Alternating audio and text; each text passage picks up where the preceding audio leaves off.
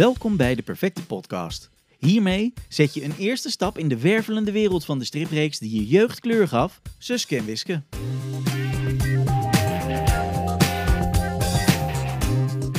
Duik samen met mij in de diepte van Willy van der Steens legendarische stripverhalen.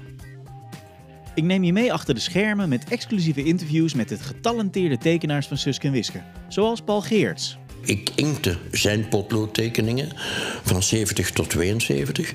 En in 72 vroeg hij mij: Heb jij eens geen idee voor een Suske en Wiske te maken?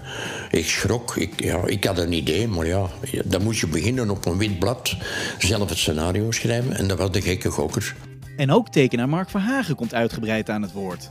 En daar wou ik een verhaal over maken samen met Suske en Wiske. En dan zou je misschien die kinderen verborgen in een kast of ergens. En dat je alleen die Duitse laarzen ziet voorbij komen. Dat is ook heel spannend geweest. Maar dat, heb ik niet kunnen uitleggen. En Amoras tekenaar Charles Cambré.